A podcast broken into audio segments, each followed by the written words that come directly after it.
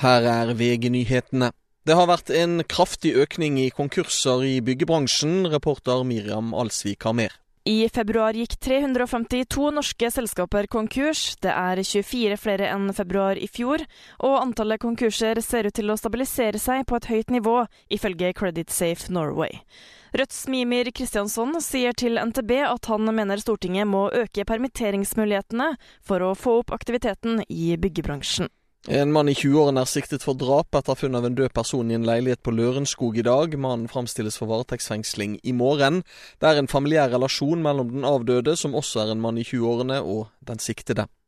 Havarikommisjonen planlegger å starte heving av vraket etter helikopterulykken vest for Sotra, så snart de finner helikopteret, melder NTB.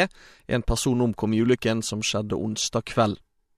Personen som ble funnet død i Lillesand i går ettermiddag, var en savnet 54 år gammel mann fra Kragerø, opplyser politiet. Familien meldte mannen savnet i midten av januar. De tror ikke det har skjedd noe kriminelt. I studio, Thomas Alsaker. Nyhetene får du alltid på VG.